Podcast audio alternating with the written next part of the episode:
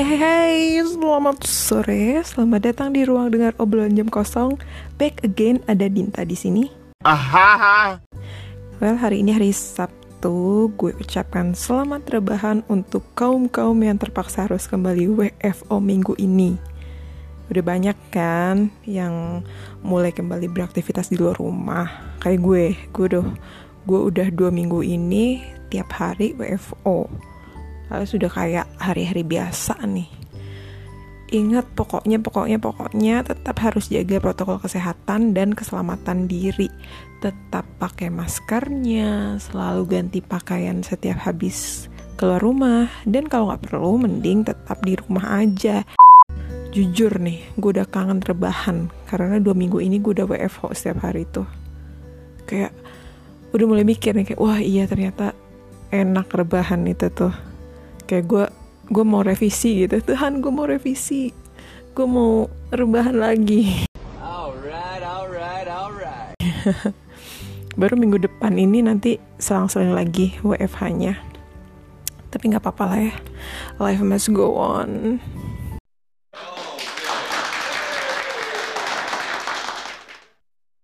Terus kali ini gue sendiri lagi Persis seperti hari-hari biasanya dalam kesendirian. Ahaha. Orang tuh kenapa ya kayaknya takut banget gitu kalau sendirian.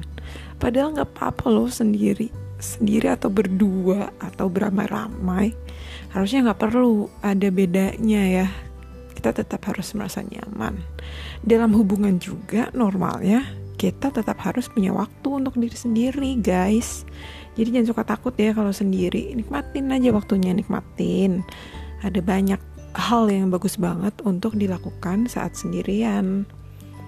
Kalau gue sih jelas ketika sendirian uh, gue bisa tidur bisa ber, ber bisa beristirahat dengan tenang. Kebayangkan kalau misalnya kalian lagi berkunjung ke tempat saudara terus kalian capek kadang mau tidur aja tuh rasanya ngerasa rasanya tuh iko bersalah ya kayak eh, nggak uh, menghargai tuan rumah gitu.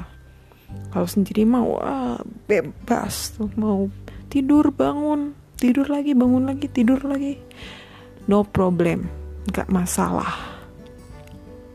Selain tidur tuh ya, gue biasanya mengisi waktu dengan bebenah. Cuman kalau bebenah ini memang khusus ya butuh niat dan energi yang lumayan besar. Jadi seringnya gue lakukan kalau malamnya gue udah niat dan udah menyusun rencana khusus untuk beres-beres. Lalu selain tidur dan beres-beres, hal yang selalu gue lakukan saat sendiri itu adalah belajar. Belajar ini banyak bentuknya ya. Ada yang gue e-learning untuk keperluan kuliah gue. Kalau kuliah sih sekarang ini lagi rihat, masih nunggu nilai keluar ada kalanya juga gue baca-baca buku tapi ini karena mata gue udah nggak senormal waktu masih SMA SMP jadi udah nggak terlalu nyaman baca. Jadi yang paling sering gue belajar audiovisual lewat Netflix dan YouTube. Loh kok di Netflix belajar Nah, jadi gue tuh tipe orang yang pikirannya cukup susah nih buat istirahat. Kadang kalau udah jam 2 pagi, badan tuh udah capek banget gitu ya guys. Pikiran gue tuh masih on. Jadi yang kayak gitu sering terjadi kalau pagi sampai sore harinya tuh gue nggak banyak uh, berpikir atau melakukan aktivitas yang membuat otak gue bekerja dengan intens. Solusinya ya gue harus cari tontonan yang bikin gue berpikir supaya kelelahan tubuh dan otak gue itu balance. Kalau otak gue lelah gue juga bisa deep sleep alias tidurnya tuh lebih nyenyak. Alhasil uh, keesokan paginya gue bisa uh, berfungsi dengan normal ya. Maksudnya moodnya nggak jelek badan juga terasa lebih segar gitu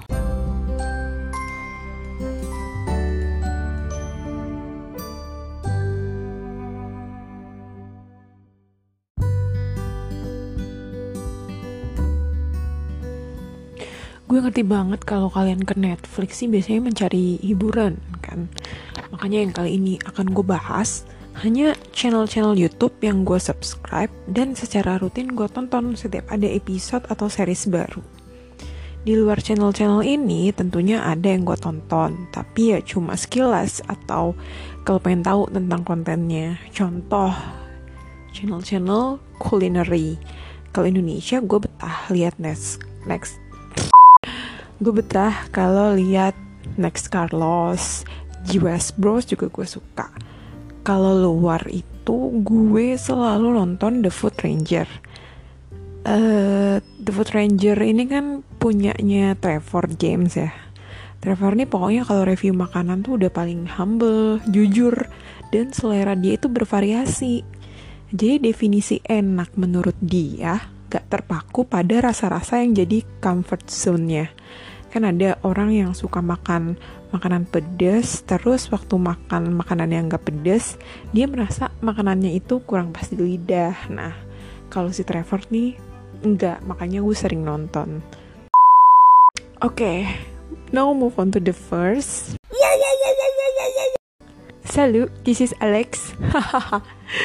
Ada channelnya Alex French Guy Cooking. Oh man, ketika gue bikin list ini tuh, gue nggak bisa nemu cooking tutorial yang lebih bagus ketimbang seriesnya Alex. I'm so madly in love with this Frenchie. Channel ini itu dimiliki oleh seorang youtuber Prancis berusia 38 tahunan bernama Alexis Gabriel Enos.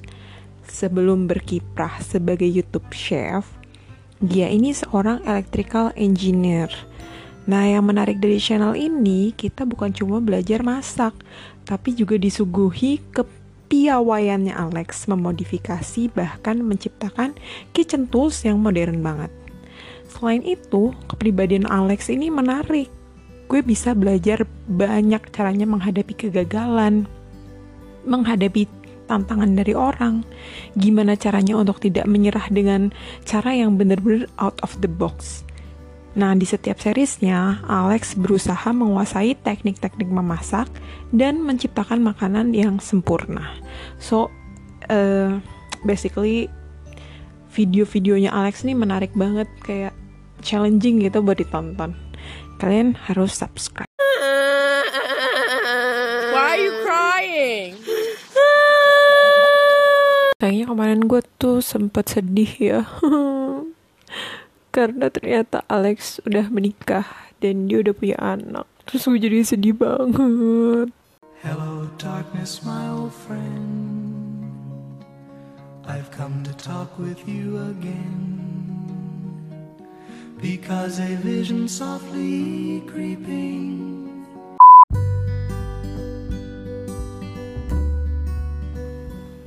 Yang kedua ada channel Li Ziqi jadi uh, penulisannya itu Li Ziki pakai Q.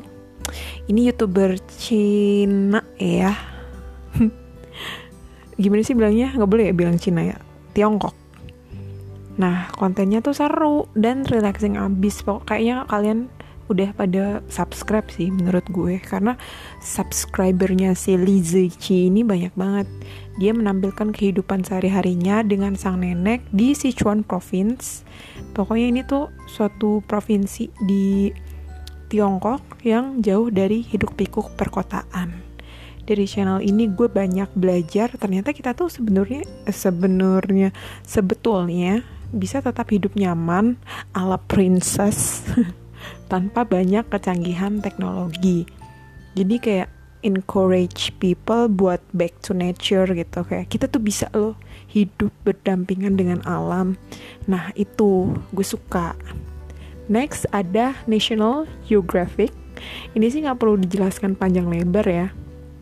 Pasti kalian tuh tahu isinya apa aja. Dari nature, culture, sampai teknologi di Nat Geo tuh ada ditambah lagi nih kualitas kamera tim Nat Geo ini udah gak manusiawi lagi pokoknya udah udah the best be, best of the best bahkan kayaknya.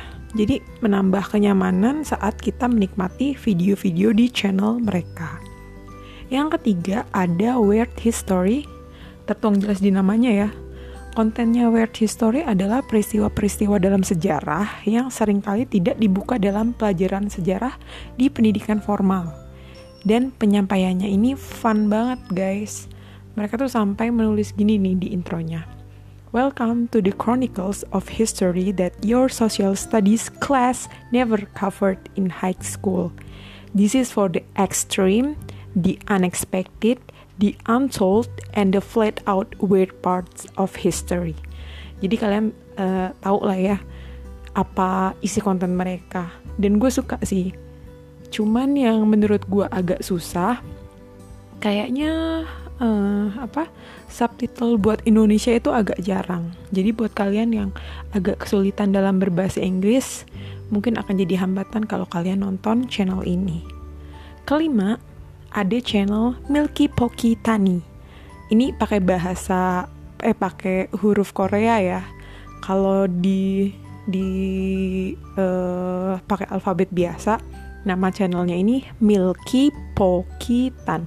Milky B Beta Milky Boki Tan.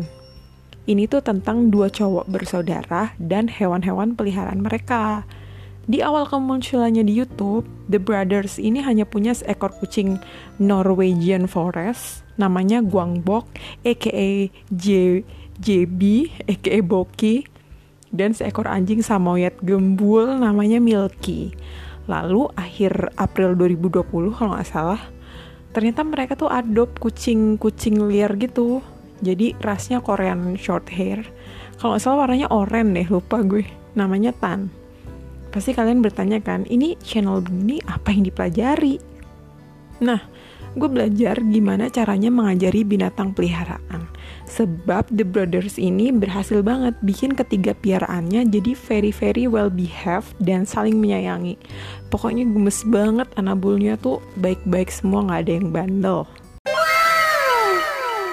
Move to the sixth place, ada channel How to Dad ini tentang seorang bapak lumayan muda bernama Jordan Watson yang mengasuh ketiga anak perempuannya yang masih anak-anak dan toddler. Lucunya si Jordan Watson ini tuh punya penampilan khas. Dia selalu pakai t-shirt gombrong warna hijau army dan celana pendek macam kolor gitu. Dan rambutnya tuh kriwil Messi. Jadi kayak gimana ya kayak image tipe image image bapak yang pusing ngurusin uh, anaknya gitu. Dari channel ini terutama kalian yang laki tuh bisa banget belajar kalau parenting itu nggak cuma kewajiban perempuan, tapi both of you, baik itu ibu atau ayahnya si anak. Jordan Watson ini betul-betul mematahkan pandangan-pandangan toxic patriarkis dan fragile masculinity. Apalagi dalam video-videonya terlihat jelas bagaimana ketiga putrinya tumbuh menjadi anak-anak yang cerdas banget. Pokoknya Jordan ini lawak banget dan out of the box banget orangnya. Nah, Jordan ini pernah sekali featuring di hmm, TEDx Christchurch kalau nggak salah ya. Jadi tulisannya tuh TED T E D X Christ Christ Church. Ini suatu daerah di kalau nggak salah New Zealand kalau nggak salah ya. Ini kalau nggak salah, sorry kalau salah. Next ada channelnya Apartment Therapy ini channel tentang home decor. Mereka tuh menulis gini.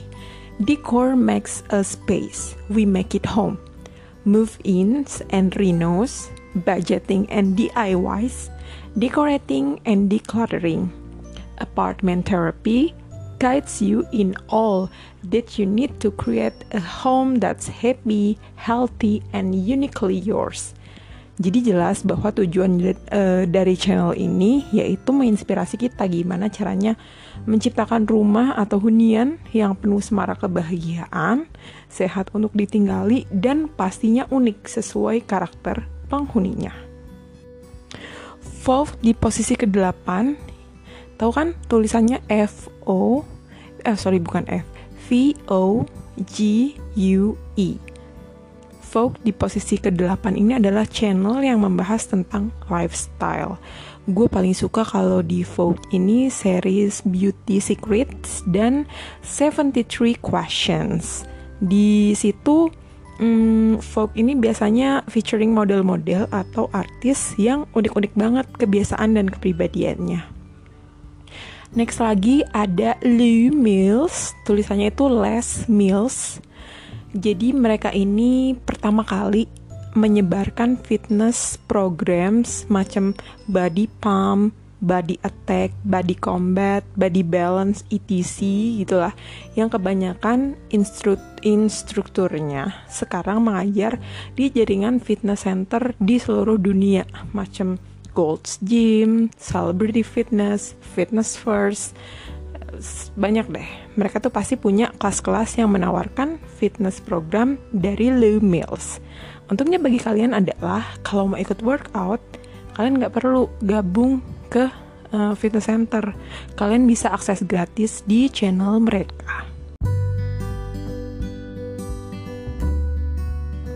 Di posisi ke-10 ada TED Channel. Di sini kalian bisa menemukan beragam seminar pendek dengan berbagai macam topik, mulai dari self-development, human rights issue, human interest, science, teknologi, politics, ekonomi, pokoknya tumpah ruah, palu gada, apa lo minta di TED ada.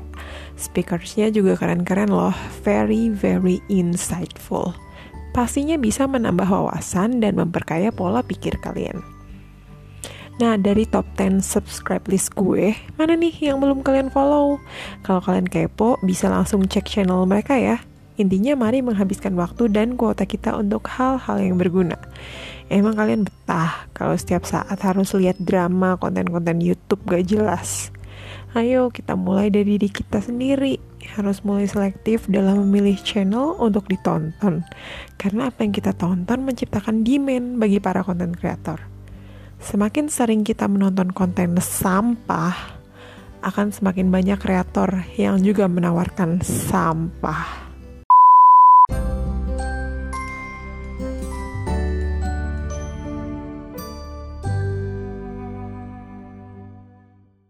So that's it guys for episode number 2 Terima kasih sudah menemani gue dalam ruang dengar obrolan jam kosong. Stay healthy, stay wealthy. Jangan lupa pandemiknya belum kelar. Tetap jaga diri dan semoga kalian selalu berada di bawah lindungan Tuhan Yang Maha Kuasa. Kalau kalian suka podcast ini, please follow dan share di sosmed kalian. Adios, bye-bye